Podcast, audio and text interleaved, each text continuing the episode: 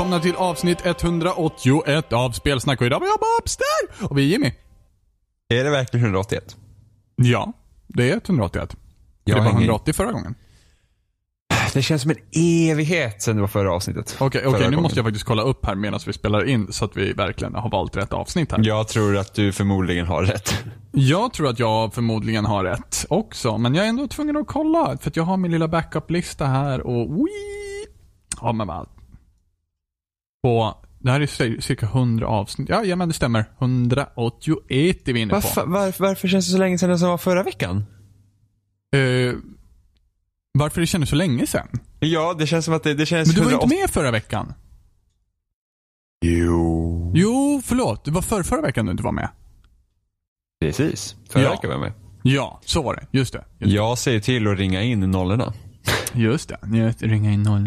Eh, Vet du vad min backup-mapp är? Och då är det bara hälften av alla avsnitt. Det är bara Nej. ungefär 100, strax under 100 avsnitt är det.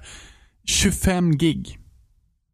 Jag måste titta hur, hur stor eh, min hela podcastmapp är. För att jag har alla avsnitt, jag har nästan alla avsnitt i den mappen. Jag backar upp så att jag har de senaste tillgängliga på min interna hårddisk. Och sen så backar jag upp vart efter när den börjar bli full så backar jag, kör jag en extra backup i, eh, på min externa hårddisk. Så att jag har allting kvar. Jag har ju alla avsnitt jag har redigerat, vilket är typ nästan alla. Men du har ju Eh. lite mindre också för att jag har ju alla kattfilerna. Du har ju alla Jag har alla råa filer. klara avsnitter. Och alla råa filer. Har du råa filerna också? Jajamensan, jag sparar fan, rubb och stubb. Då har du mer än vad jag har. Jag, Jag har ju bara kattfilerna. Min podcastmapp Mhm. är 102 gigabyte. Fy fan. Och då har jag, alltså nu är den lite större för nu har jag lite, ja precis, eh, min Mixcraft-mapp, den mappen som jag har eh, alla projektfiler Mm. i. Den, de raderar jag ju. Eh, annars blir det de, den ligger på 9 gig. Men det är ju bara för att det blir WAV-filer Ja precis, men de, de raderar. De sparar inte, generellt sett brukar jag inte spara. Nu har jag ju slarvat med det jag, men. Eh, men det, det är rätt så kul. Färdiga avsnitten, och det här är nog från avsnitt 8 och nästan alla framåt, är 22,3 gig. Fy fan. Jag tittar här. Pod, spoilercast och sånt. Jag, jag kollar här på min andra backup-mapp. Den som har flest filer på sig, eller i sig. Mm. Den är på 54,3 gigabyte. Men vad är det som tar upp så många? Ja, där. Råa ljudfiler. Precis, här är alla, här är alla filer som är eh, Helrå ja. som helråa. ja. 69,2 gigabyte. Yes, för att de tar upp extra space. Men du behöver egentligen inte de råa filerna. Nej, jag vet. Men du vill spara dem ändå. Jag har sparat dem på, för skojs skull. Jimmys all- man- sentimentala hoarding. Ja, men ingen kommer ju orka gå igenom dem någonsin. Jag, funder, jag har ju fortfarande så här, äh, vissa saker som jag vill göra med de gamla filerna i huvudet som jag vill... Eh, jag kanske gör dem till avsnitt 200, vad vet jag? Får se. Oj. Så här små projekt. Spännande. Eh, vi är på gång till avsnitt 200. Det är inte Ja, långt kvar. det är Eller ja, inte det är långt. ganska långt kvar. Det är Det- ett ja, halvår. Fast, no. Nej, jo. ja, I princip. Det är ja i drygt. princip. Det är, det är minus två veckor från ett halvår. Det är sjukt. Oh. Så nära men så långt bort. Ja, Så mycket vi har att prata om. ja. 20 Avsnitt- timmar. Om, om avsnitt 200. Ja, Eller till avsnitt i, 200. Ja, precis. Ja, I avsnitt fa- 200. Faktum är att den här hösten är rätt så sval för mig. Sval i hur menar du? Eh, Alltså spe... det kommer bli väldigt kallt. Ja, men jag vet ju aldrig med dig. Vintern är på väg, Robin. Vintern är på väg. Om ni inte visste det så är Jimmy liksom den vandrade SMHI, för alla er som är typ nya eller i, bara inte känner Jimmy tillräckligt väl. Eh, så för, berätta för mig, min kära väderboy. Vad är det som är svalt? Nej, men eh, spelmässigt Ja, tycker jag att det inte... Jag till och med tycker där att, alltså- känner du av temperaturen. Ja, ja, det är inte hett. Ja, Nej. Åh, precis. Nej. nej men. nej men alltså det finns nog inget eh, spel eh, som kommer ut i höst som jag faktiskt ser riktigt, riktigt fram emot. Nu, nu ska vi se här, för att du och jag pratar ju, eller jag pratar tid olika jämfört med många andra. Höst, vad menar du med höst? Ja, alltså slut, sista delen av året när alla spel kommer ut. Typ där Så- oktober, november, december. Ja, men du, du pratar hela vägen till december ändå. Ja, jo, men så brukar man säga höst. Liksom. Men, alltså, när man, men Player Unknowns Battleground kommer ju ut. ja, ja, precis. Su- Super Mario Odyssey kommer ut. Ja, jag vet. Men Sen liksom man, om man tänker hur våren har sett ut, Mm, när man typ ja. har liksom typ exploderat i spel. Mm. Eh, så tycker jag att, så tänker man så här, men vilket spel är det nu i höst som man är såhär, mm, nu jävlar. Och det är så här, ja, det, det, det, är, alltså, det är inte så mycket. För jag, jag brukar ju alltid Klagar man på det bruk- mycket. Ja, jo, och det har vi Ja. gjort hela tiden. Och nu, Ja. det, ja, ja, ja. Ja, det var hett. Men, ja, det är jävligt hett just nu alltså. Ehm, men sen tänker jag tänka så här att hösten, man brukar alltid planera vilka spel kan jag köpa. Och så brukar jag ofta skippa. Ja, man får ju skippa, man får ju prioritera helt enkelt. Det går inte att köpa allting. Mm. Eh, och, och så började jag fundera, så här, vilka spel ska jag köpa nu i höst? Och det var så här, Battlefront 2 Mm. och Mario. Mm. Player Unknowns Battleground. Ja, men det, det, det, det håller jag... Alltså, jag, jag är lite skum så här när, jag, när jag räknar enbart digitala spel. För att de, de kommer bara. Så de köper man lite hipp som happ. Och nu köper jag i och för sig Ja. bara typ spel digitalt ändå. Men, eh, men det är liksom inte... Det finns inget datum som pinpointat på det. Nej, just det. För det. Förutom att det är sista kvartalet. Liksom. Ja, precis. Det, det kommer liksom. Eh, Medan liksom de spel som också släpps på skiva, då är det så här, men det här kommer det här datumet. Call of Duty, ututututu, liksom. Eh, så det är Mario och Battlefront 2 är de spelen som jag vet jag kommer köpa. Mm. Och det är såhär bara, var väl lite tråkigt. Var är alla spel? Men är det faktiskt som så att det, det liksom inte kommer något mer större än så? Det, jo, jo, det kommer ju. Men alltså det, det är så här, om man tänker spel som jag, som jag verkligen vill spela eh, på en gång. Mm, mm. Eh, för Ass- Assassin's Creed kommer ju. Ja, just det. och det är nya inte jag ett dugg intresserad av istället. Alltså jag, så här är det. Jag vet att jag kommer spela nya Assassin's Creed. Jag har inte köpt ett Assassin's Creed på launch sen eh, Unity. Ja, det vill säga, jag köpte för förra Ja, precis. Jag tänkte precis säga det. Inte säga Unity. Jag har vägrat. Och då så här, Två spel i rad. men, men eh, då så här, varför köpte jag Unity på launch? Jo men just det, det var, jo för att man, okej. Jag trodde att Unity skulle vara bättre än vad det var. Mm. Och jag gillade Black Flag, jag tyckte Black Flag var riktigt bra. Ja, Men du gillade ju um, förra också. Eh, eh, Syndicate. Ja. Ja, Syndicate tyckte jag var helt okej. Men det köpte jag inte på launch, det köpte Nej, just det. jag senare. Du köpte Men det till och med på en rea va? Ja men du, du res typ ut så här en månad efter. det var ju liksom, jag tror jag köpte Syndicate, Alien Isolation och eh, Shadow of Mordor samtidigt tror jag. Mm, åh gud. Shadow Mordor. Bra skit. Mm, kommer ju uppdatera, eller kommer ju, Shadow War? eh, ja. När?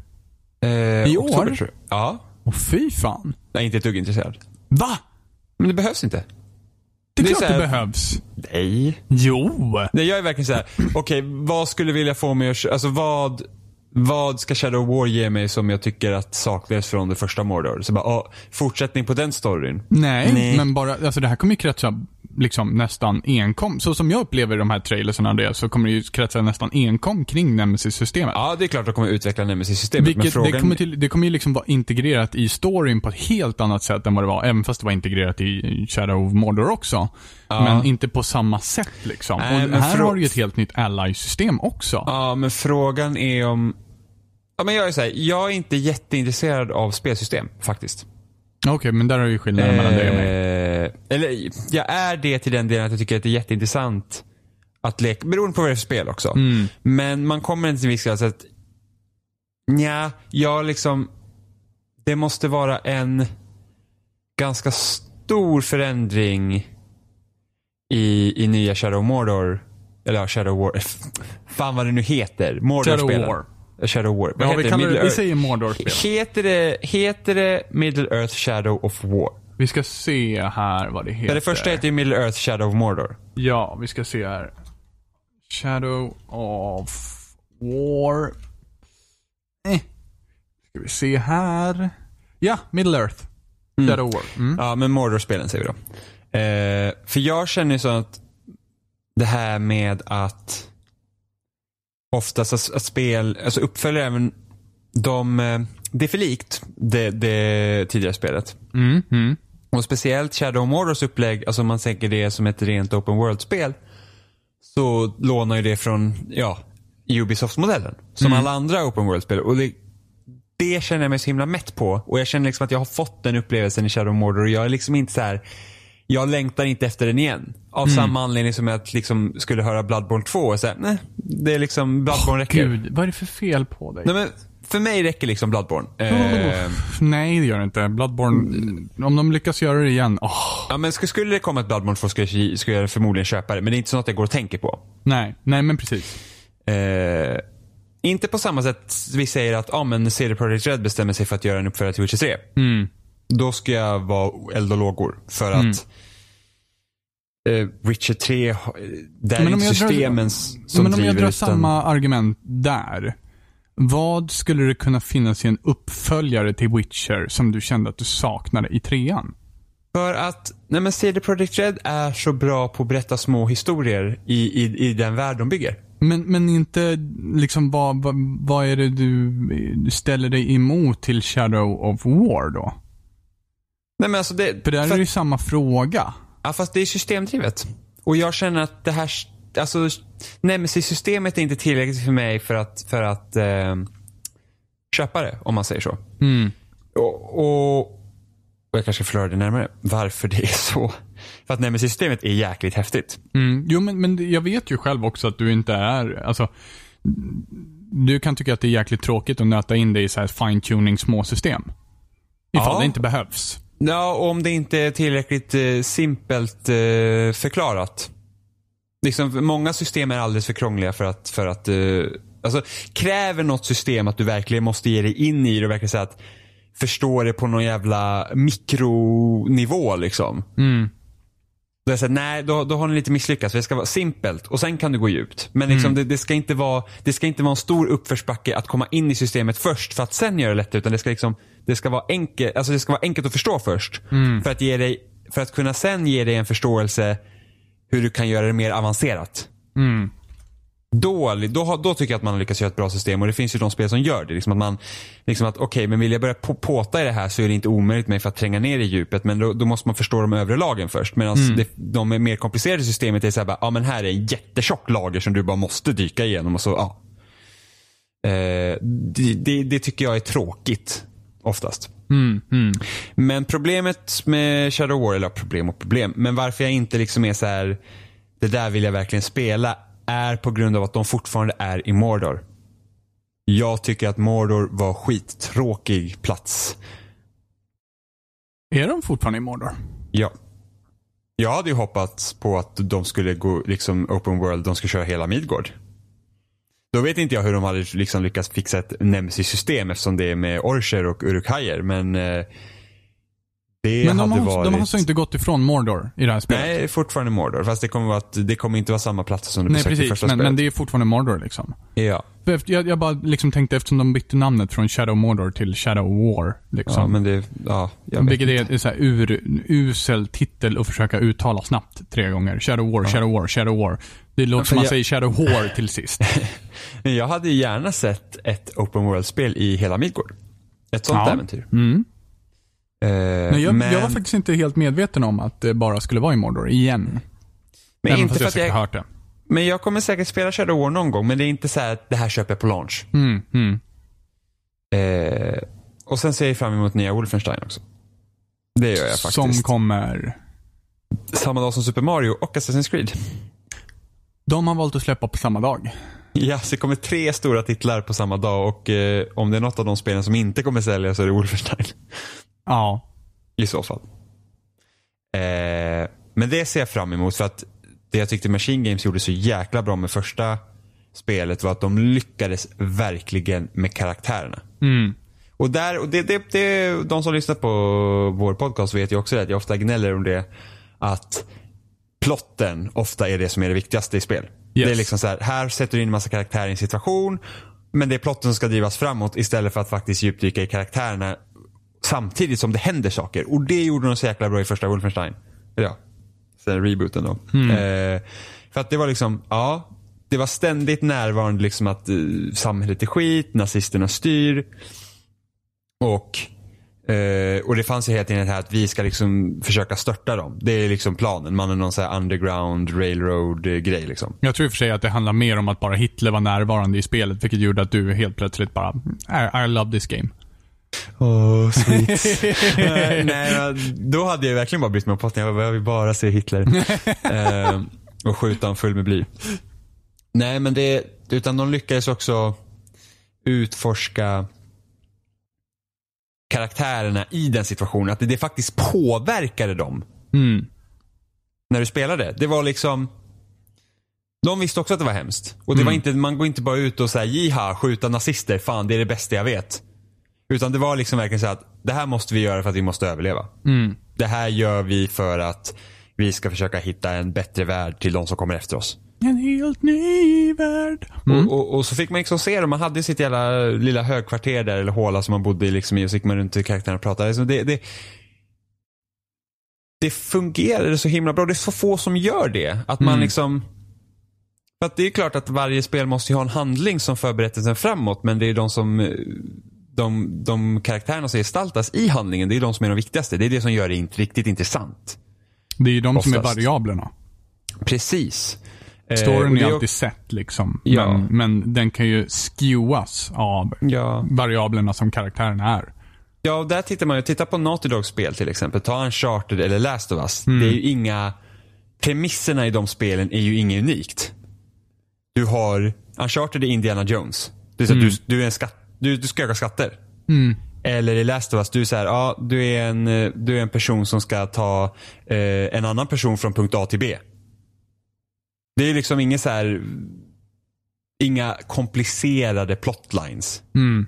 Men det är karaktärerna som gör det speciellt. Mm. Och det är liksom eh, Joel som börjar Last of Us är inte samma Joel som när det slutar. Inte Ellie heller. Det har ju skett liksom en utveckling och du får vara med på den resan. Det är det som gör de spelen speciella. Samma med Uncharted också. Och speciellt om man tittar på, för att jag var ju inte ett fan av Uncharted 1, 2, 3. Liksom så att jag tycker att de spelen är helt fantastiska som alla andra gjorde. Mm.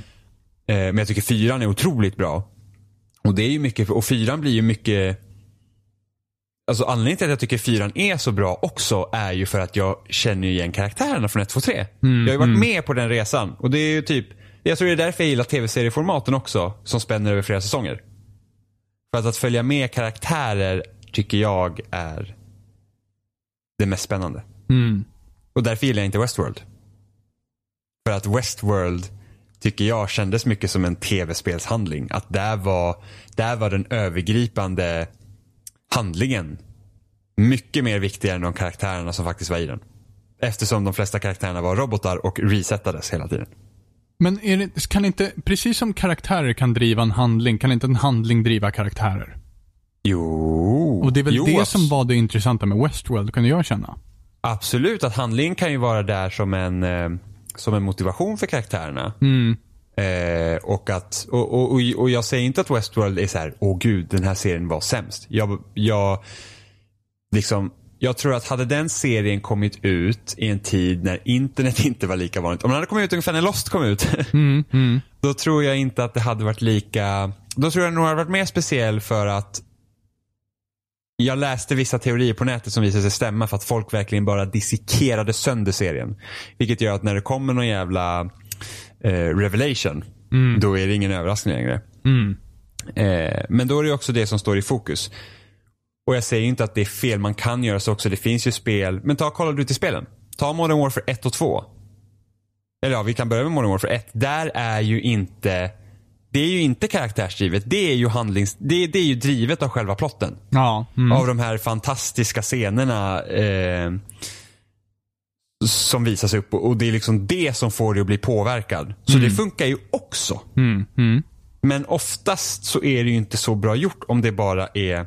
För att ofta finns det ju någon motivering på någon karaktär och det är typ eh, papperstunt liksom. Man bara, oh, men gud, det här är ju larvigt liksom. Eh, men då handlar det också, jag tror att det, det är mer hur man lever sig in i situationen också. Jag tror det är lättare i spel som Modern Warfare för att du spelar i första person. Och din karaktär är ingen egentligen en karaktär utan det är bara en avatar för dig att springa vidare med. Ja, men det som, det som karaktären har är ett yrke. mm, På något precis. sätt. Alltså det, det här är det du ska göra. Därför kan du liksom, för, därför kan du bara sjunka in i rollen. Ja, precis. Och då funkar det ju. Mm. Eh, eller typ ta, ja, men ta Hitman, senaste Hitman till exempel. Mm. Ja, men där är det Eh, perfekt liksom. Ja, du är ju en hitman och, där det är tog, det du är. Ja, och där tog de ju, precis, och där gjorde de någonting som jag redan ville att Splinter Cell skulle göra. För att jag känner ofta i Splinter Cell, speciellt det senaste Blacklist och och eh, eh, Conviction tror jag det hette. Mm, mm. Var ju det att jag känner, varför gör de någon konstig konspirationsplott i det här spelet? Liksom med karaktärer vars motiveringar liksom man inte riktigt, du, du bryr dig aldrig om dem för du kommer inte nära dem. För att det liksom ska, det ska exponeras på samma gång du gör liksom uppdrag. Så det, det, det, blir liksom, du är på något jättefarligt uppdrag samtidigt som du ska börja känna för olika karaktärer. Det, det liksom funkar inte riktigt för du får inte se dem i någon annan kontext. Och då blir det svårt att bry sig om dem, tycker jag. Ja, men sen så liksom bara Eh. över ett telefonsamtal liksom hela tiden Ja, också. Precis. Och då känner jag så här, varför gör de inte ett Splinter Cell där du bara helt enkelt är en spion. Du har tio uppdrag. Du, liksom, så åker man runt så jobbar man som en spion. Det behöver inte vara något annat. Och det gjorde de i Hitman. Senaste med säsongen. Du, liksom, du, du har, det här är sex kartor eller något sånt. Och på varje karta så finns det ett uppdrag. Det är den här du ska döda. Mm. Så gör det. Det behöver inte vara någon konstig underliggande handling som, som ska få dig att driva framåt. För det är som, du är en hitman. Du ska döda folk. Här, ha kul. Och då, då är det ju ett systemdrivet spel. Då är det därför du spelar. Det känns, som, det känns som att många försöker utveckla stories som liksom är på något sätt ska vara världsomvälvande varje gång. Att man liksom så här, åh gud, det där misstänkte jag aldrig. Lite så. Det känns som att många hakar på den story, storytrenden. Ja, och sen så vet jag inte. Sen kan det vara så att många inte riktigt har någonting att säga heller. Och då blir, kommer man inte så djupare heller. Alltså om du inte har någon. Liksom om du lägger bara på en story för att den måste finnas där snarare än att det här är faktiskt någonting vi vill berätta. Mm. Jag vet inte, det är, det är ju svårt också. Ja, ja, det är klart det, det. det, är inte lätt. Men, Det är klart eh, det är. Jag sitter här och men- försöker fundera ut en bra Splinter Cell story. Ja, men det är alltid en sån här konspiration. Jag tänker typ, om, om vi tar tv-serieversionen av Splinter Cell så är det typ Alias. Mm. Men där får du också se, i Alias fick du också se eh, Sidney Bristows liv utanför själva yrket. Mm, mm. Och liksom du kan, folk som hon bryr sig om och vad hon gör annars. Liksom, så att du kommer ju åt de motiveringar mycket bättre och så får man se vad hon kämpar med istället för att så tänker hon bara varit på uppdrag hela tiden. Det är ju inte kul. Jag tänkte Så- precis säga, fast det är en tv-serie, det är lite skillnad, men är det verkligen det? Nej, det är det nog inte. Ja, alltså du skulle kunna dela upp, alltså med ett spel på 12 timmar kan ju vara som en säsong på 12 timmar. Mm. Och, där, och det är det som Telltale har lyckats bra ofta med sina spel, är att de, de, har, de djupdyker i sina karaktärer. Mm. Och när de lyckas sämst så är det för att de har någon så här stor övergripande handling. Som, som tar större plats. Typ Mm. Game of Thrones. Mm. Där man typ liksom pratar om en sak från första avsnittet och sen så slutar man med en cliffhanger i den sista. Och det är fortfarande ingen aning om vad som har hänt. Och man bara såhär, va? Man bara såhär, Eh, va? Ja, vad vad är detta? Man bara såhär, för va? För att där är ju, ja men typ ta, ta Wolf Among Us. Mm. Exempelvis. Där hade du ändå en övergripande mysterium. Mm. Mm. Men det var ju fortfarande karaktärsdrivet. Ja, ja. Mm. Och liksom där de lyckades verkligen att du skulle få en känsla. Alltså det var så speciellt känsla för hur Bigby var och hur du ville spela som Bigby. Och vad du trodde att han ville göra och agera ut efter det. Någonting som jag tycker att Telltale inte riktigt klarar av längre på ett sätt. Mm. Eller det beror på, sen, det beror på vem som skriver säsongen också. Eh, Men det är en stor skillnad på Telltale idag och de som skrev Walking Dead säsong 1. Det är inte lika bra. Nej. Jag har inte spelat trean ännu. Måste göra det. Ja, Gud. det ska ju, Min... en sista säsong är utannonserad för Walking Dead. Ja, det är bara en Så kvar näst- alltså. Ja, nästa ska vara sista och då ska du egentligen spela som Clementine. All right. Mm. Jag spekulerade ju att den här säsongen så kom in, de döpte inte den till säsong 3. Nej, just det. De... För jag tror inte att det ska ses som säsong 3 riktigt heller. Det, är en mell, det är en mellansäsong. Typ, typ som 400 Days var till första Walking Dead. Mm, mm. Den, det, var, det avsnittet var en brygga mellan säsonger och jag ser lite att den New Frontier är en brygga mellan säsong 2 och den sista. Mm. För att den, den, den, den var faktiskt ingen vidare. Mm. Det var jättetråkigt att säga det men det, det, det, man, jag vet inte. Det, Den gick inte hem helt enkelt. nej, det gjorde inte riktigt det. Och Wolf Among Us säsong 2 kommer också. Den gör... När kommer den då? Är det bara Det vet inte. Det utannonserat var att ut, den är utannonserat, Ja, precis. utveckling. Mm. Nej, men det blir trevligt. Det kan jag längta efter. Ja, men det tror jag också. Jag bara tänker att det var så jävla, de hade så jävla nice filter på säsong 1, Wolf Among Us. Gud ja. Musiken, Mm. atmosfären. Mm. Ja, det var riktigt bra faktiskt. Det var Mm, riktigt... Eh, det är- mm, Riktigt bra. Jag skulle vilja läsa Fables serietidningar nu. Mm. Eh, det är bara att de är så jävla dyra. Det, det roliga är att när, när Wolf Among Us släpptes så kändes det som ett jäkla fail sen när, när vi väl gjorde spoilercast på den och sen så bara, ja, när kommer nästa avsnitt då? Jag kommer inte ihåg hur länge det dröjde mellan nästa avsnitt. Jag tror, jag tror att och de första avsnitten släpptes i oktober Ja. 2013, 13, 14. Ja. Någonstans där. Och nästa avsnitt kom typ i mars. Året därpå. Ja. Det var as länge. Ja, och vi gjorde spoilercast och bara, oh, hypa och sen så bara, ja. Det var Vad det. hände? Ja. Var det första gången vi körde, jo det var första gången vi körde en spoilercast per avsnitt va? Vad sa du för något Jimmy? Det var första gången vi körde spoilercast per avsnitt. Ja, just det. Mm. Mm. Ja, det var... Ja, men Telltale har blivit bättre med att släppa sina avsnitt. Fast nu var det länge sedan de släppte Guardians of the Galaxy. Men den ska väl komma nu i augusti tror jag. Mm. På tal om att det är svalt just nu i, i spelvärlden så, så kan man ju faktiskt börja...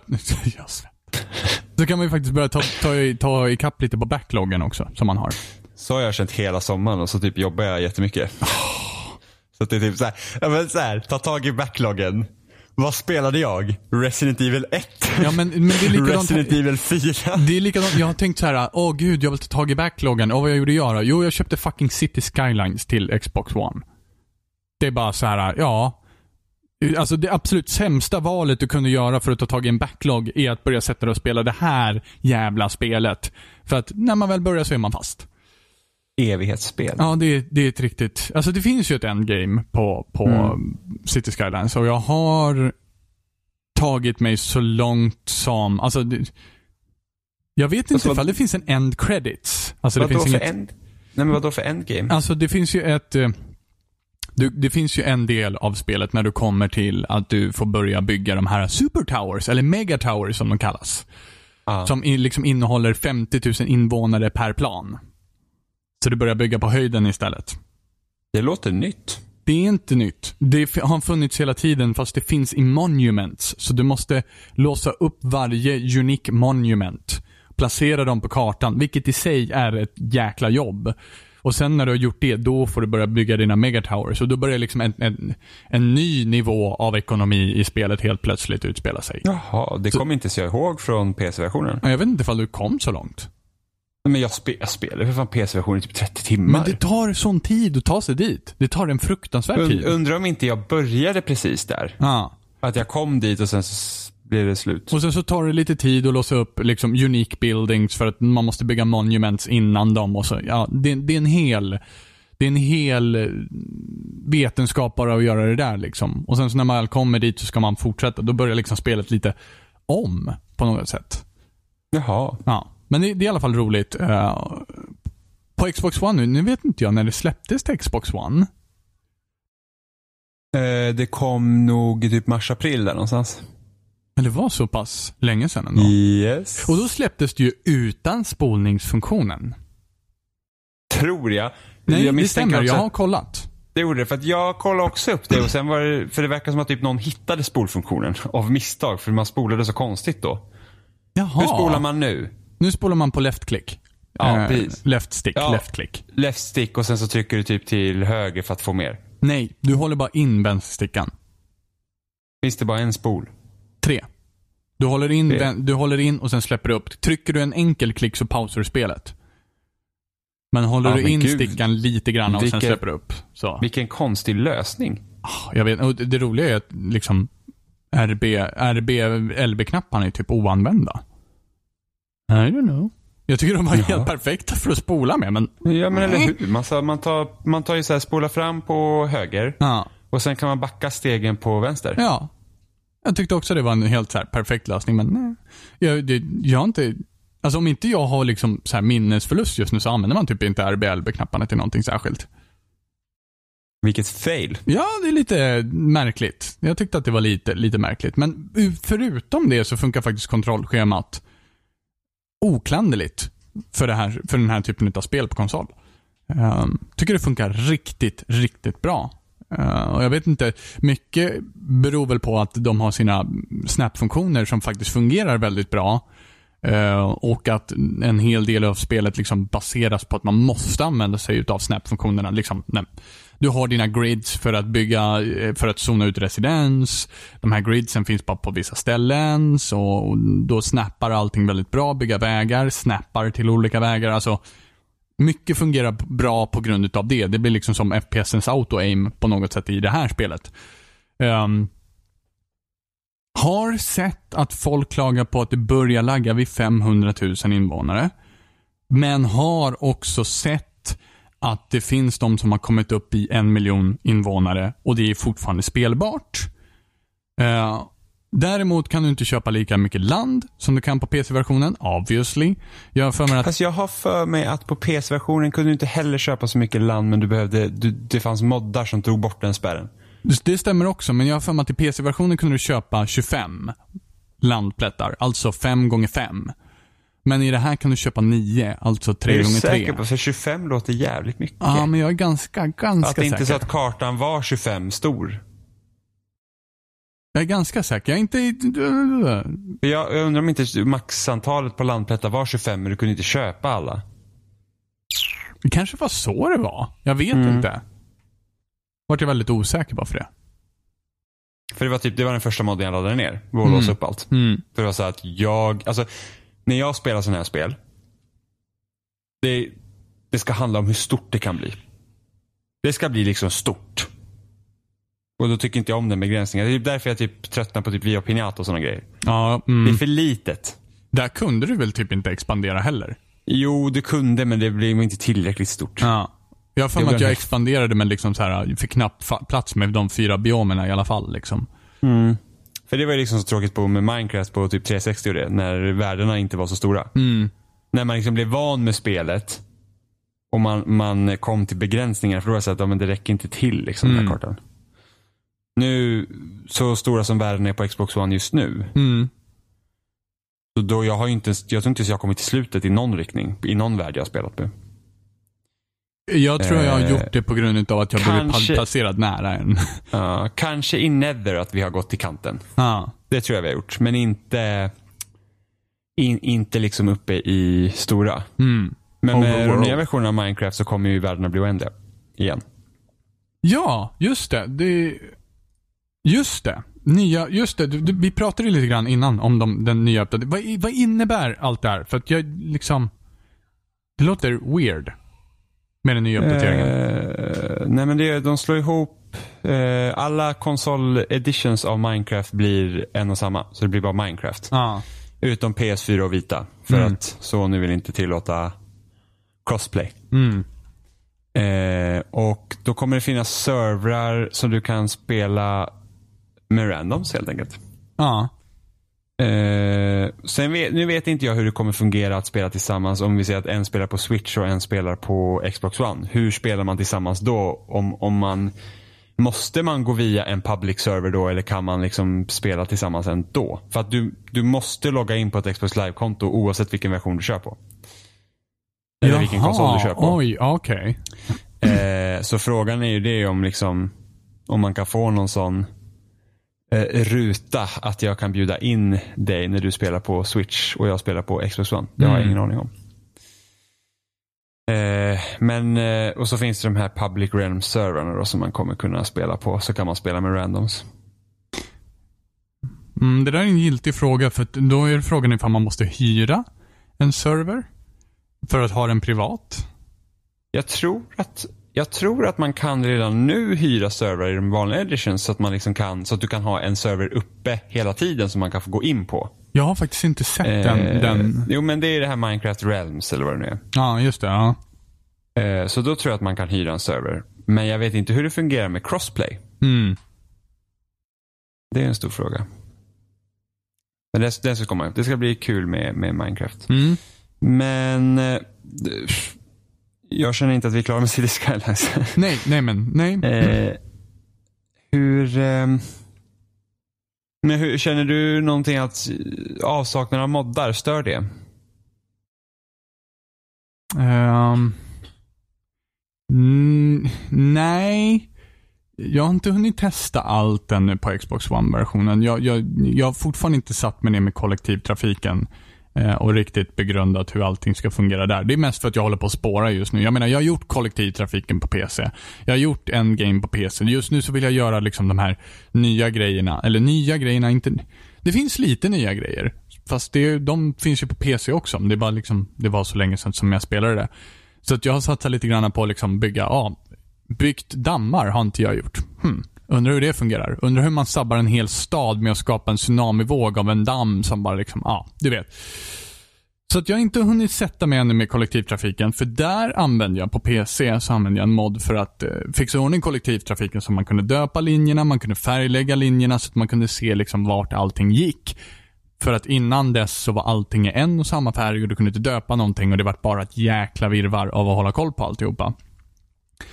Så den skulle jag vilja undersöka, hur den ser ut på Xbox One-versionen just nu, för att kunna besvara den frågan.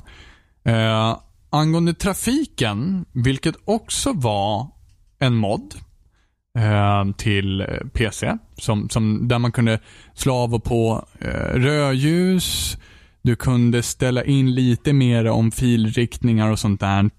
Eh, och visst, jag har upptäckt lite sådana saker där jag skulle gärna haft, liksom, där kan ni känna just den här svängen, åh, en sväng, eller typ två svängar i hela min stad. Här skulle jag vilja sätta så att det är högersväng är förbjuden, men ack och ve. Jag får lösa det på något annat sätt. Så nej, hittills har jag inte märkt någonting av att jag saknar moddarna, men en hel del beror också på att de har lagt till i Xbox One-versionen Unlimited Money och Unlock All Milestones. Så att du kan låsa upp alltihopa på en gång om du vill. Om du vill bara börja bygga, kör. För det var nämligen moddar förut till PC-versionen av City Skylines. Av att du behövde låsa upp alla milestones och att du behövde mm, ja, men tjäna ihop dina pengar då så att säga. Men nu har de lagt till även ett sandbox-läge här för att liksom du ska kunna bygga helt fritt om du så vill. Så att nej, faktiskt inte. Uh, det enda som jag kan känna kryper lite grann i kroppen när det kommer till Xbox One-versionen är att även fast de har lagt till spolning, även om den har existerat hela tiden, vilket när jag läste på om en artikel så fanns den inte då. Men så, möjligheterna finns att det är som, precis som du säger, att um, att uh, den kanske alltid har funnits. Um, men det som kryper lite i kroppen på mig är att även fast det går att spola så snabbt så går det väldigt långsamt. Det går nog nästan hälften av hastigheten än vad det gör på ah, PC-versionen. Så spolningen är inte tillräckligt snabb då? Nej. Så att play-hastigheten är nog densamma för både PC-versionen och Xbox, Xbox One-versionen. Men den snabbaste spolningen går nog nästan dubbelt så fort på PC än vad det gör i Xbox One-versionen. Och det är for obvious reasons, technical difficulties, så att säga. Hårdvaran kanske inte klarar av att styra en halv miljon invånare på full fräs eh, när det kommer till Xbox One. Men... Dåligt. När, man ska, när man ska känna ihop det här lilla större projektet så kan mm. det vara lite drygt att sitta och vänta. Men, det, ja. men däremot så har jag upptäckt ett helt annat lugn till att sitta och micromanagera min stad. Alltså in på detalj, att jag sitter liksom och, oh, elnätverket producerar så här mycket. Jag kanske ska ha 61% istället för 62% i budget för den. Så det har öppnat upp sådana möjligheter. Alltså att spelet gick ner i tempo, därav så tar jag lite mer tid på mig att faktiskt kolla efter vad jag gör. Uh, men annars kan det vara lite drygt, ja.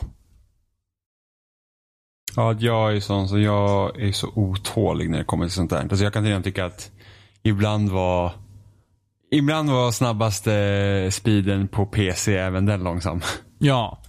Man var såhär, jag vill ha mina pengar och sen så bara, ah, det tar så lång tid att få mina pengar så resten av stan går åt helvete. Fy fan. Ja, men precis.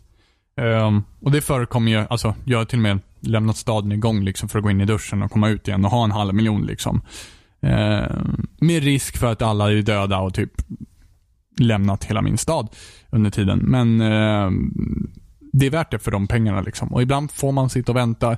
Man hittar ju någonting att göra hela tiden i det här spelet. Man är aldrig sysslolös. Går man igenom infoviewen um, och hela den grejen fungerar, kan jag nästan tycka fungerar bättre på konsolen vad den har gjort på PC innan. Av anledningar som jag, jag kan gissa mig till handlar om att man tar mer tid på sig. För att liksom spelet går lite långsammare, därav så kan du titta lite mera. Men också att eh, det uppmuntras på ett bättre sätt att gå igenom infoviewen här. Eh, och infoviewen är då eh, de här flikarna för att analysera din stad för att se exakt vad som fungerar och vad som inte fungerar. Där du kan se eh, land value, du kan se pollution, du kan se noise pollution, du kan se hur bra dina poliser tar sig ut till olika områden.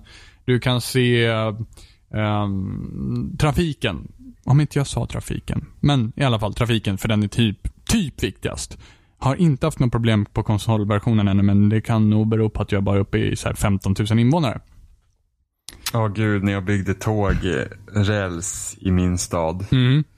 Och jag fick, alltså jag fick, jag fick sån jävla tågkö så att fan SJ ser ut att vara perfekt liksom. uh, det var, alltså det var, det blev, det blev stopp vid någon jäkla station och det var liksom hela stan var bara full av tåg. Det mm. var liksom hela den jävla tåg. Så får man vänta på att de despanar istället. Jag kommer inte ihåg hur jag löste det heller.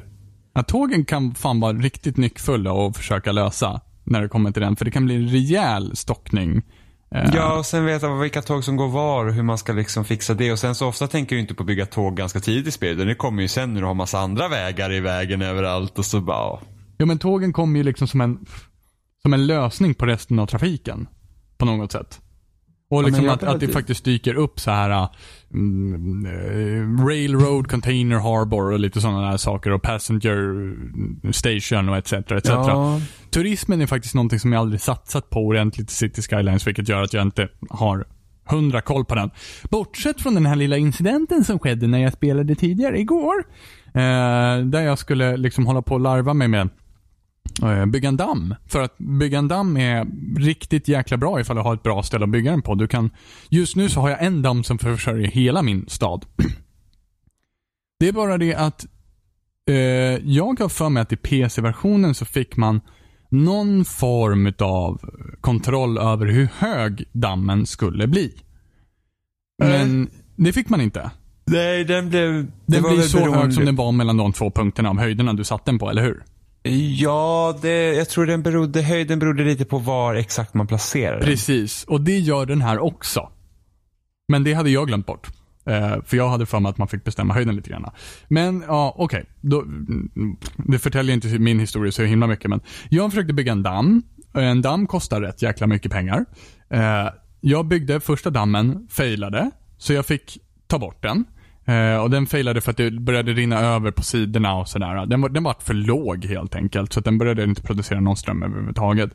Eh, fick en liten våg som gick in mot min stad. Det typ dränkte två, tre hus. Det, vattnet rann undan. Det var fine.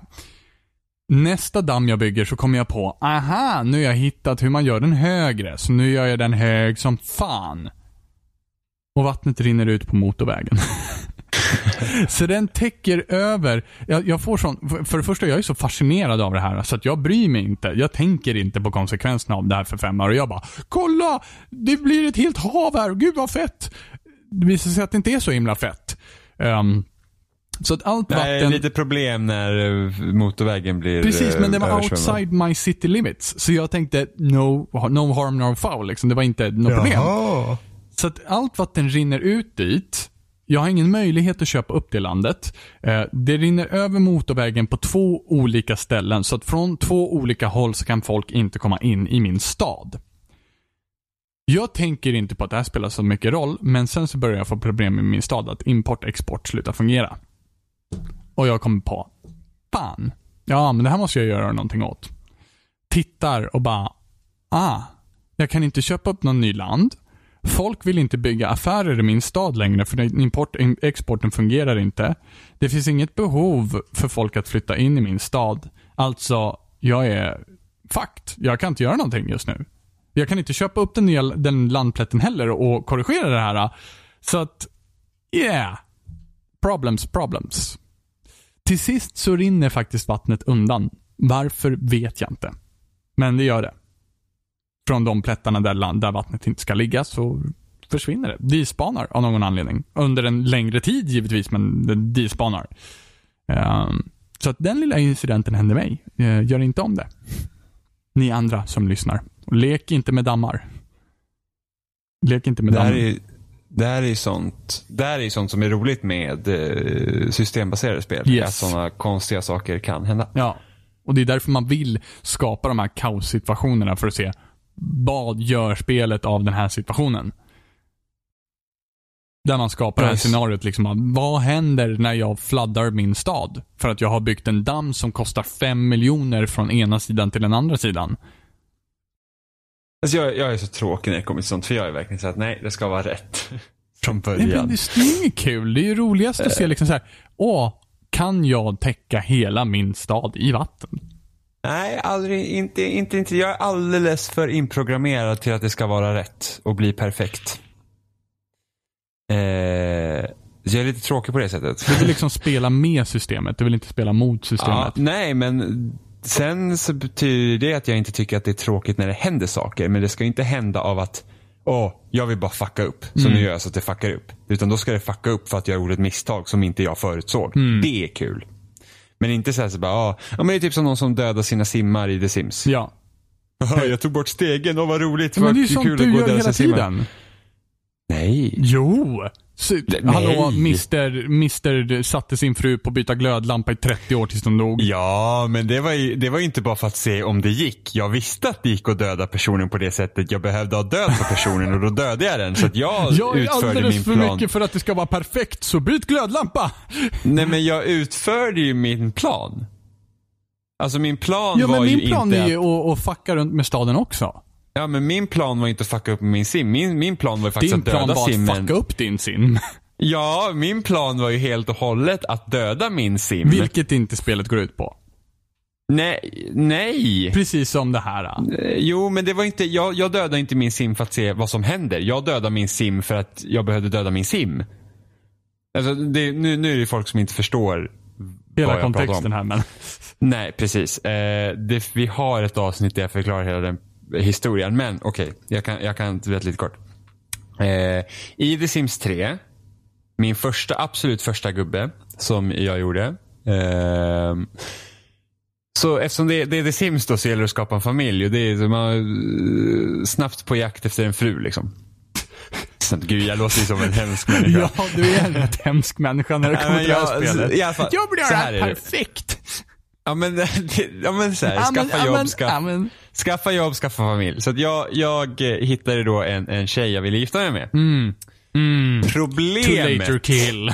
Ja, men problemet med det här, ja men jag gjorde som man ska göra, köpa blommor. tidigt bäst före datum. Gick, gick, gick, ja det stämmer ju. Gick ut, på, gick ut på dejt, köpte blommor, allt, allt det där som man ska göra för att, eh, ja men till det man tycker om då. Problemet var att dagen efter att jag har gift mig med den här personen blir hon gammal. Vilket betyder att ett, det går inte att skaffa barn. Vilket var problem för mig för att jag ville ha en lång, alltså så här är det va. Jag spelar typ inte The Sims 2.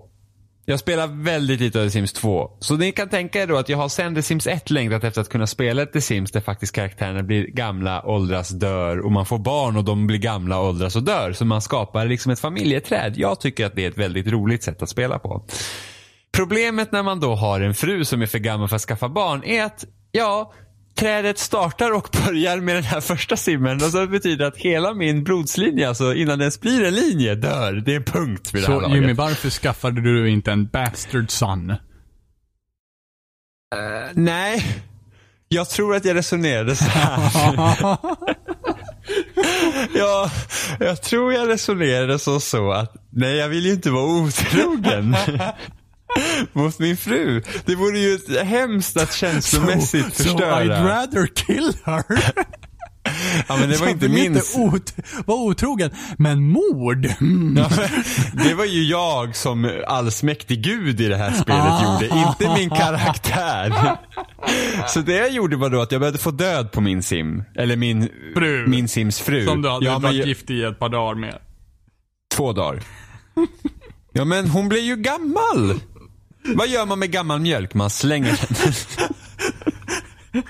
Så, Socialist, så, så jag tänkte så här, hur, jag, tänkte, hur ska, jag hade ingen pool vid det här tillfället och jag var inte tillräckligt rik för att ha en pool.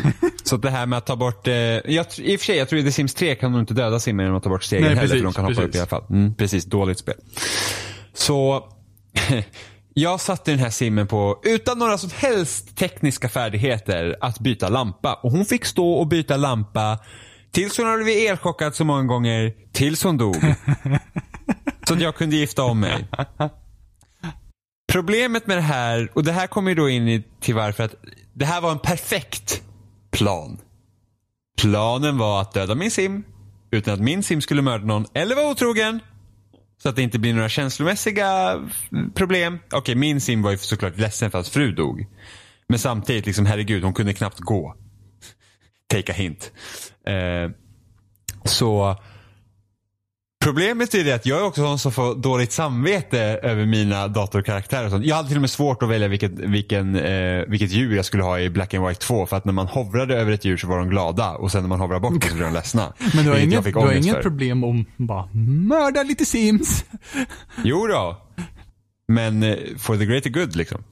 Får man ju vara lite speciell. Men problemet var ju det att jag också får dåligt samvete då. Så att min, sim, eh, min sims fru var död. Jag la en gravsten på baksidan av gården. Min sim var jätteledsen. Och så får jag ett samtal där de säger att de håller på med ett nytt experiment att de kan återuppliva de döda. Och jag var så här: wow! Det här är ju en jättebra idé, tänkte jag i två sekunder och tryckte på ja. Och så visar det sig att den här, eh, det, det blir lite problem för att det här experimentet backfire ju. Så att min sim kommer ju tillbaka som ett spöke. I, inte ett helt spöke utan faktiskt ett, ett mänskligt, alltså en person som är mellan spöke och människa. Så det, hon fungerar inte riktigt som ett spöke gör i Sims. Men hade spökliga egenskaper samtidigt som man kunde styra runt dem. Så hon behövde inte sova och inte äta något så här. Så, att, så att det var jag, min döda fru och sen min nya fru som levde i det här huset. Så att min, eh, min död, men det bästa var ju att min, min, den här döda frun var ju jättebra som barnvakt och sådana här grejer när jag skaffade barn. För att, Så inte nog med hon- att du bara så här. I, I killed my wife. Then I remarried. Then I brought her back as a slave. typ. Och sen sparkade jag ut henne när jag fick, när mitt hushåll blev, för att hon tog upp en plats i hushållet. Det är nu jag skulle vilja ut quota dig igen. Qu- Quota tillbaka det där, där du sa. Jag vill ju, jag är alldeles, min, min hjärna är alldeles för programmerad för att göra saker perfekt. Jo, jo, men alltså Mm. det, jag experimenterar inte som att jag ska testa hur ser ut döda simmar. Utan jag hade ju liksom en, för att kunna spela vidare i spelet och att min sim inte skulle behöva vara ett svin. Så behövde jag göra det här. Så det var inte som ett test för att se om det gick att göra så. Utan det var ju så att det var så här jag gjorde för att det här var min plan. Eh, och på så sätt så fick jag ju se roliga grejer från systemet. Du är en sjuk, sjuk människa. Jag sig, jag, jag på dränker det. hela min stad med en tsunamivåg av en damm. Ja, men du ville ju inte heller testa det. Utan det var ju något som hände när du skulle bygga. Ja, så var det faktiskt. Så var Mm. det faktiskt. Även fast jag liksom var medveten om att risken fanns, så tänkte jag nog inte att den här vågen skulle bli så stor. Nej, Som nej. den blev. då- Det finns ju de som även typ de som spelar SimCity och sådana där grejer. De slår liksom på en naturkatastrof för att se hur hela deras stad bara mm, går sönder för att fan liksom. Men det, det är ju en spännande sak att se hur det bygger ihop sig och hur staden hanterar den här typen av kris, så att säga. Om, alltså ja. vilka områden som, alltså bara det att du tar bort en vägbit, vad händer? Jag märkte till exempel nu att mitt fängelse, det slutade fungera helt och hållet i City Skylines för att jag hade ingen påfart och avfart från andra sidan motorvägen. Vilket gjorde att de åkte inte ens ut i närmsta stad för att hämta upp fångar. Utan de, de bara, nej, vi åker ingenstans. Vilket var ett jättemärkligt fenomen. Jo men då har inte du planerat för att det ska hända. Nej, precis, precis. Det är det som är skillnaden. Ja. Att man gör misstag och fel och då händer det saker som är helt crazy. Det tycker jag är jättekul. Ja. Men liksom, det är inte så att jag bara, undrar vad som händer om jag tar bort vägen härifrån? Ooh! Nej, jag tycker att det Utan kan det är vara... typ så att jag tog bort vägen härifrån och så bara oj. Det här hade jag inte räknat med och så får man panik och så börjar man svettas och så bara hur ska jag klara det här? Men du är aldrig nyfiken Ja. på så här, hur mycket trafik, hur lång kan kön bli? Och vad händer med spelet när kön blir så lång?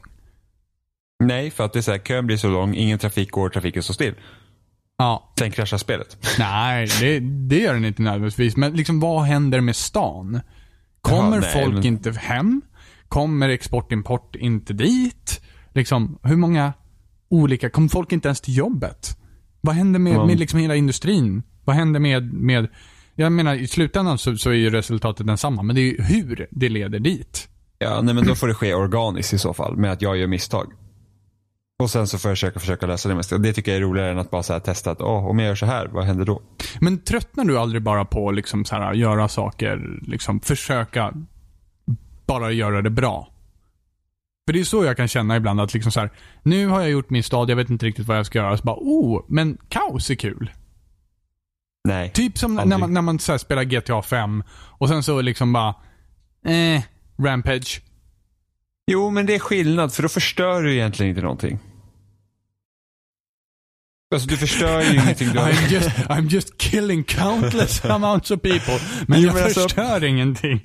Nej, men man förstör ju inte någonting i den eh, egenskap att du har byggt upp något som du sen raserar. Det enda du gör i GTA är att du, du, liksom, du går egentligen inte ifrån spelet när du bara ställer upp och typ mördar allting.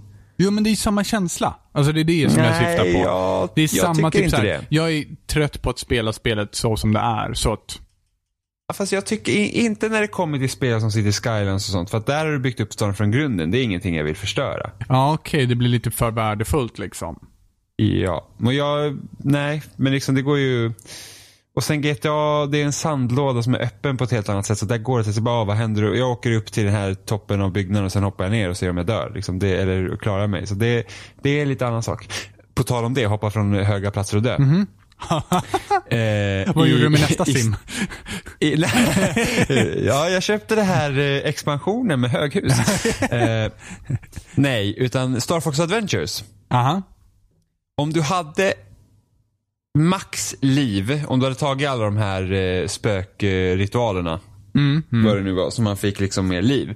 Då kunde du gå längst upp i högsta tornet i spelet och hoppa ner och klara dig med en plupp. Ah. Jag vet inte ens vilket högsta tornet var och vart det var någonstans. Det var, det var, nu ska vi se, högsta tornet det var ju där Crystal var fången. Mm. Eh, Ah. Där gick man längst upp dit och hoppade längst ner och hade fullt, fullt med liv. Ah. Eh, då var det en plupp kvar. Ah. Eh, och det roligaste var att de hoppade ner därifrån för att Fox eh, kindrar dallrade. Kinder? Kindrar? Kinder är det. Kin- kinder ja. En kind, flera kinder. Mm. Kinder. Kindrar. Kinderägg. Eh, så att, ehm, ja, Ja. det var allt jag hade att säga om höga Mm. byggnader. Men f- ska vi röra oss lite grann från cities? Ja, Cities Skellins, för du har också spelat någonting. ja Puré. jag har... Potatismospuré. Nej, jag spelar Pyre Mm. som är eh, Super Giant Games nya spel. Och Super Giant Games har tidigare gjort ben Bastion och Transistor. Jag älskar att du besvarar säga, de frågorna som jag precis tänkte fråga. Jag tänkte säga Bastion. Ba- Nej, Bastion. bensi, nej, jag tänkte säga Bensistor. Bastion och transistor. Men Bensistor. Eh, precis, så det här är deras tredje spel. Transistor kom ju ut 2014 tror jag. Vad är Pyre för någonting? Eh, Pi- alltså, det, Pyre är ett ganska speciellt spel. Det är en visuell novell blandat med RPG-inslag blandat med fantasy basket. Fantasy basket? Yes. Så så till stor del så är, är Bas, eller Bastion, gud. Pyre är, Pyre är nästan som ett textäventyr. Liksom att du eh, du har blivit bannlyst från Commonwealth till Downwell. Eh, och för att då då finns det olika sådana här riter som man måste göra. Eh, vilket då är det här fantasybasketen. Eh, och vinna dem för att sedan kunna liksom bli, eh, vad ska man säga? Eh, ja, friad från sitt straff helt enkelt. Så att straffas du i Commonwealth så skickas du till Downwell och där så får man eh, då köra de här matcherna mot andra som också är bannlysta. För att sen försöka eh, ta sig tillbaka helt enkelt. Och du har en speciell roll för du är en som kallas reader. Eh, och i den här världen så, om du, att läsa är ingenting som folk kan. Och det är ingenting som man liksom vill att folk ska göra. Helt enkelt. Och alla har inte den förmågan. Och du är en sån som kan läsa och det gör att då du får styra då över, över de här riterna i ditt lag då. Så det är du som agerar som en coach helt enkelt. Det här låter skitkonstigt. Det är skitkonstigt. eh, så att då, man har liksom sitt band av figurer som, eh, som man reser då med i en så här liksom karavan helt enkelt. Det är lite likt Banner Saga i den, i den formen. Liksom att, att, att eh, storyn och sånt presenteras i samma sätt. Du, du har liksom en stor karta i princip som du väljer plats till. Och Sen så åker man dit och så pratar folk med varandra och ja, interagerar med varandra. Och så läser man en massa text och så får man, ibland får man välja val. Inte lika mycket som i Banner Saga. Men ibland så får man välja vad man ska säga och lite sådana saker och vad man ska göra eh, mellan de här matcherna. då. Mm, mm. Eh, och matcherna är så att du, du får välja tre stycken personer ur ditt eh, lag. Eh, och så eh, är det tre andra personer i det andra laget som du möter och så är det en boll i mitten och så ska du försöka då ta den här bollen och sen så springa över till deras pyre. För att varje lag har ett pi en pyre som de har. Eh, och så skadar man helt enkelt deras eh, eld Mm. tills den är nere på noll. Mm. Eh, Krux är att du kan bara styra en karaktär åt gången i ditt tremannalag. Eh, och har du bollen, eller ja, varje karaktär har en aura runt omkring sig. Så springer någon annan karaktär in i din aura så dör de. Eller ja, blir, blir bannlysta så tar det lite tid innan de kommer tillbaka. Eh, och beroende på vilken karaktär man har så har de en viss stor aura då. Så tar du en karaktär som har större aura än din motståndare så kommer du kunna komma åt den personen. Och, och bannlysa den liksom, så att det blir mindre spelare på plan. Eh, har du bollen så är din aura borta. Så det gör att när du har bollen så är du sårbar helt enkelt. Eh, så då får man liksom positionera sina karaktärer lite olika och försöka komma runt det helt enkelt och försöka då göra mål samtidigt som deras lag ska göra mål hos dig.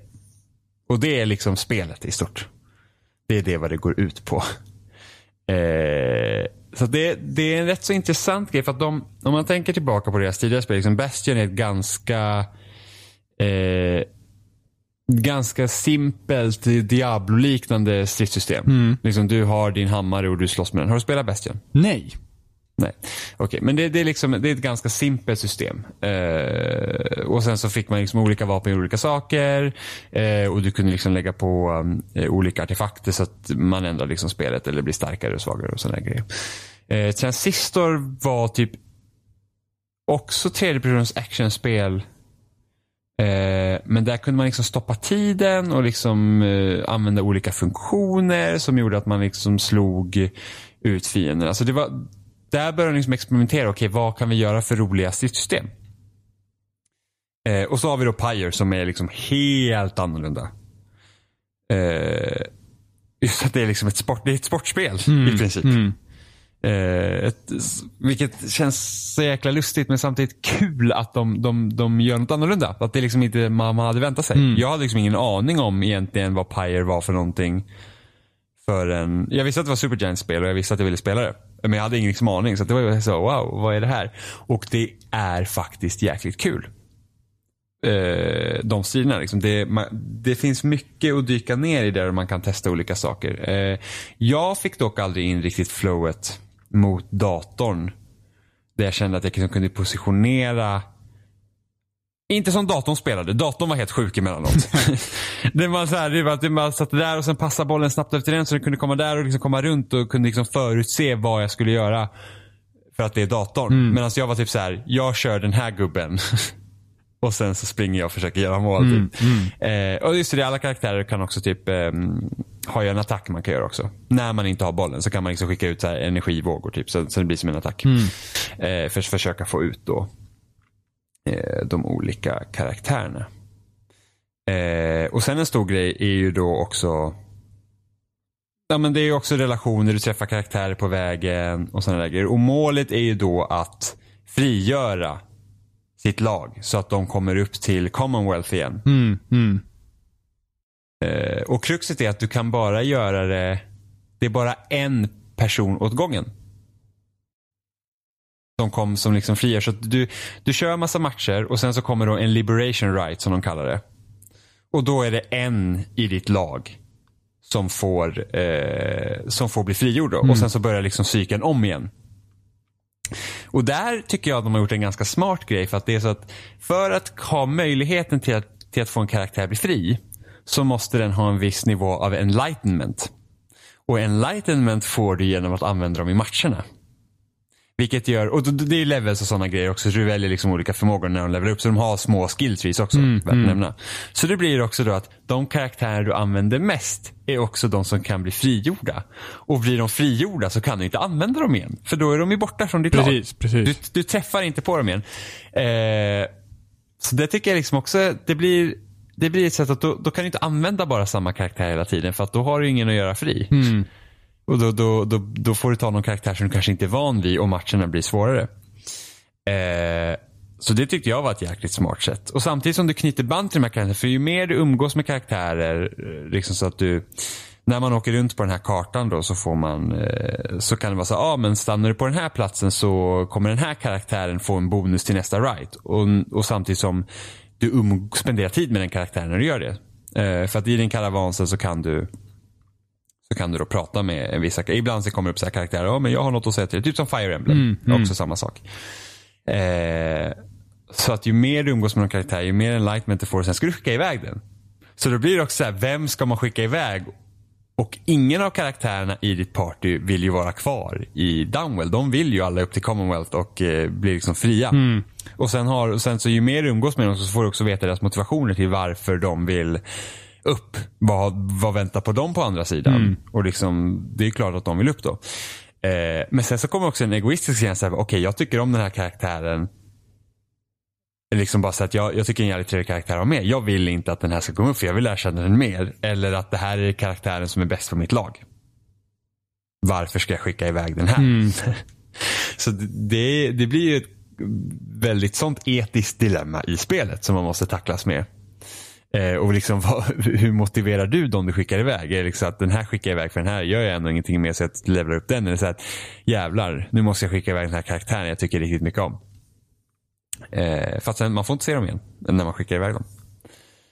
Eh, och sen så är det såklart, så går ju runt i bakgrunden så går det också runt eh, liksom att det, det, finns så större, man får lära sig mer om världen och, och, och liksom vad är Commonwealth, vad är Downwell? Var, var, varför fungerar systemet som det gör? Eh, det är lite Hunger Games faktiskt. I hur samhället är uppbyggt känner jag. Mm, mm. Eh, att det är liksom så du har den stora övermakten och sen så har man de här grejerna för att ja, folk ska hållas i schack eller typ så här. Det, det, det är liksom en stor mytologi bakom det. Eh, till en början, alltså det, det här är nog det spelet från Supergiant Games jag har haft svårast att komma in i. Det låter ju som ett krångligt system att ta sig in i överhuvudtaget. Ja, ja, men just mycket i början. Jag tycker att spelet börjar rätt så dåligt faktiskt. Det, det är väldigt mycket text i början. Eh, det är mycket att läsa. Eh, eftersom du inte styr... Du, du, I de tidigare spelen så hade du ju... Då styrde du en karaktär i en värld vilket gjorde att du fick en mycket större anknytning till världen i sig. Mm. Eh, du kommer inte riktigt in i början av Pyre för att du eh, eftersom du, du, du, trycker ju bara genom text och sen väljer du tid, gå hit och sen så åker man dit. Mm. Eh, och jag funderar så här, varför känner jag så för den här världen i Pyre när jag känner mig mycket mer välkomnad till exempel i Banner Saga som har ett liknande system. Mm. Och det är just för att i Banner Saga en del av spelet är att du ska ha hand om din karavan. Det är inte bara de omgångsbaserade striderna i The Banner Saga utan det är eh, du ska också ta hand om dem under tiden mellan. För att du är så här, du åker från plats A till B. Under tiden så kommer det gå åt mat. Det kommer hända, liksom din, din karavan kommer bli trötta. Det kommer liksom hända saker under tiden de åker. Mm. Vilket gör att du har ett helt managementsystem däremellan också. Mm. Eh, och sen när du åker från olika platser på det sättet så får du också en helt annan känsla av, av den platsen. För att du verkligen tar dig igenom det. Mm. I Pyre så är inte kartan upplagd på likadant sätt. Utan det är liksom 2D-bilder och sen finns det olika punkter på den här bilden. Som du åker mellan. Mm. Så du får heller inte riktigt den här anknytningen till världen. Eh, vilket gjorde att jag hade väldigt svårt att ta mig till spelet först. Mm. Det liksom kändes som man bara så, det var en, liksom en, en oändligt strid med, med liksom att läsa och liksom baka till de olika platserna som inte säger mig egentligen någonting. Och det var väldigt lång tid mellan striderna. Och speciellt i ett sånt system som Pire Strider har, att det var liksom så att det känns som att man måste få göra det ett par gånger innan man börjar förstå hur det faktiskt går till. Och i början så var det väldigt eh, lång, alltså striderna var väldigt långt ifrån varandra. Vilket gör att du kanske kör en strid så bara, oh wow, det här var rätt så kul. Jag skulle vilja lära mig att liksom slåss mer. Eh, och sen så får du inte göra det. För att du ska liksom läsa. För att, för att först, innan första Liberation Right så går du liksom igenom typ hela kartan till det. Det är liksom en lång väg till att komma till din första Liberation Right. Mm. Efter du har fått din första Liberation Right, då får du en, du får ett luftskepp. Så du åker, då åker du på så sätt mellan platserna. Liksom. Mm. Eh, Och då går det mycket fortare. Eh, så det, men ju mer och mer jag spelar spelet så, så, så börjar jag gilla det absolut mycket mer. Alltså jag tycker det, det är ett väldigt bra spel. Inte deras bästa, men det är mycket bra. Och sen när man liksom får, får lära sig mer om världen och så. Eh, också. Men så finns det ett annat problem. Mhm. Eh, precis som i tidigare spelen så finns det också att du kan lägga på svårighetsgrader. Så att du liksom säger så här, ja ah, men de jag möter har mer liv i sin pyre eller att jag börjar med mindre liv i min pyre eller att de är, de är snabbare och sådana där grejer. För att, för att liksom kunna skräddarsy svårighetsgraden till dig. Eh, problemet är bara det att när det händer mycket i striderna så fryser spelet. Aha. Det laggar till och jag, alla matcher jag förlorade, förlorade jag på grund av det. För det är liksom så att spelet fryser och helt plötsligt är jag på andra sidan banan och jag har inte kunnat, liksom, det är precis som att jag har hållit spaken åt höger. Och sen så fryser spelet och jag bara släpper allt och bara shit vad händer nu? Och sen så har jag liksom teleporterat mig fram. Vilket blir ett jävligt stort problem när motståndarna har bollen och jag ser en del av banan och helt plötsligt har de mot mål för att spelet har fryst. Mm.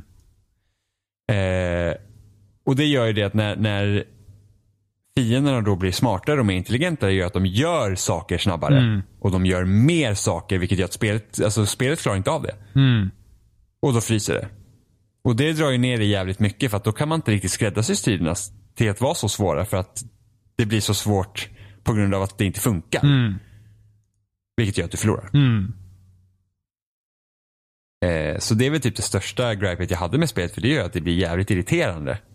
Och då, blir, då, då kan ju inte spelet bli liksom, jag kunde inte matcha svårighetsgraden till min förmåga utan jag fick lov att köra mycket lättare Mm. än vad jag kunde. Vilket är synd för det är också en grej som ingår i storyn. För att när du förlorar en match så är inte det game over. Utan det är bara, ah, ni förlorar. Nu är det nästa match. Ja, precis. Hej då. Så att det är liksom, precis som i Fire Emblem när typ karaktärerna dör. Mm. Så, så ska inte du ladda om sparfilen och köra på. Utan det, är liksom, det ingår i storyn att nu är den här karaktären död. Mm. Eh, precis så här också. Nu förlorar du den här liksom, righten. Eller så att nu är det, det får du leva med nya tag och så går vi till nästa grej. Vilket också påverkar karaktärerna du är med. Mm. Så det är lite synd, men annars är det, jag tycker att det är ett väldigt bra spel. Eh, det är en uppförsbacke i början, just på grund av att det är så mycket att läsa. Och striderna är rätt så korta och de är liksom långt ifrån varandra. Jag kan ju för sig förstå att det är mycket att läsa också med tanke på vad du just har berättat. Det är en hel del Ja. att svälja. Jo, jo, men, men det är liksom det. Jag hade nästan känt att det hade varit skönt om, om det hade varit en större att, det, att nästan hade varit eh, uttalad dialog. Mm. Jag tycker ju inte om att läsa på skärm. Mm. Jag tycker att det är jättejobbigt. Eh, och det var så mycket. Alltså det var verkligen som man var så på, alltså jag är intresserad av det här. Mm. Men det, liksom, det blir för mycket. Och sen har du ju den här, du har ju boken. Eh, The Readers Book. Som du fyller på. Du får liksom låsa upp sidor i den också. Mm. Eh, och i början, innan man kom till första Liberation Right, så var det första kapitlet som fylldes på. Och det är så här, ja men då är det enkelt att följa liksom. Man läser en följetong. Mm. Sen efter den, då bara låstes massa kapitel upp. Och så kommer det liksom olika sidor i olika kapitel lite när som. Och det är så här, jag har ju ingen chans att hålla reda på det här. Mm. Jag kommer inte ihåg vad det här kapitlet handlar om när jag liksom får sidor till andra kapitlet samtidigt och liksom hålla koll den röda tråden. Så att jag slutar ju bara läsa den boken. Mm. För det blir, det liksom blir för jobbigt. Mm. Eh, men de har skapat ändå en De har skapat en intressant värld. Och det är mycket lättare att följa med i den här storyn än, än i Transistor. Transistor var verkligen, det kändes väldigt luddig. Alltså när jag kom till slut, jag, så här, jag har ju knappt någon aning om vad som har hänt. Och även i, eh, även i Bastion kunde det vara lite så att man hade svårt att hålla koll på. Men här är det mycket lättare. Alltså jag har mycket mer koll på hur storyn är och liksom vad mina karaktärers motivationer var och vad som faktiskt skedde. Vilket är skönt. För att eh, Transistor var väldigt så här. Jag har liksom inte riktigt någon aning om vad det här betyder. Så att det är liksom, det är, det är liksom helt, makes no sense emellanåt. Eh, och det gör inte Pyre. Och det kan väl mycket vara för att det är så mycket text.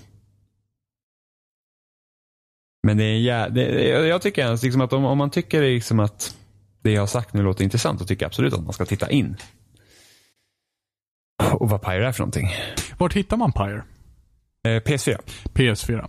Vad ligger Pyre på för finns på pris? PC också. 179 kostar Ja, det är så pass ändå. Så här trevligt pris Mm. som man blir glad av att se.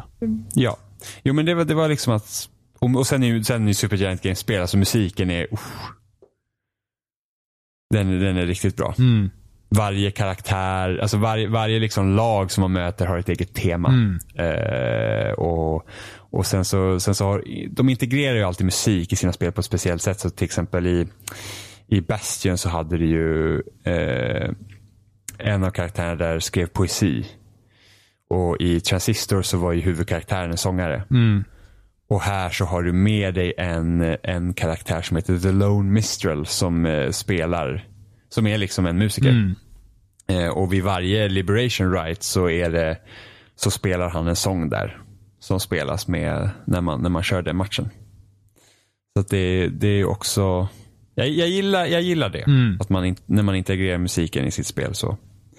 Eh, och det var något jag tyckte om med Transistor var just det att jag gillar också när du har karaktärer som inte är, som, inte, som har okonventionella roller. Som typ när du spelade Firewatch och så är du en sån här skogsvaktare. Mm. Liksom. Mm. Eller, eller när du är sångare. Så jag, jag gillar sånt. Jag gillar sånt. Men eh, jag tycker Pyre är mycket bra. Mycket bra spel. Mycket bra. Mycket bra. Interesting. Mm. Ja, men det, det är ett väldigt speciellt spel. Det är ett annorlunda spel. Och det börjar bli dags för, för oss att runda av tror jag. Ja. Ja. Du typ gäspar alltid när vi ska sluta Jimmy. Jag förstår inte vad det är för fel Ja, på men det är för att jag är helt, jag, jag, jag är varm. Jag är varm. Just nu är jag varm. Titta, jag, sa ju det. Vandrande SMHI. Ja, men jag vet inte varför jag är så varm. För att det är varmt. Ja, men så varmt är det väl ändå inte. Hur varm är du? Jag är varm. Alltså, det är typ så här, jag typ svettas under armhålan, jag svettas i knävecket. Under armhålan, betyder det att du bara har en eller att du bara svettas under en utav dem? Jag svettas bara under en utav dem. men då är ju förklaringen att någonting är varmt kring den sidan där du svettas antagligen. Ja men, ja, men vad är det, men alltså, varför? Vadå? Den här sidan. Det är inget, det är inget varmt här som inte finns på andra sidan. Om man säger så. kanske visst är det. Kanske bara inte vet om det.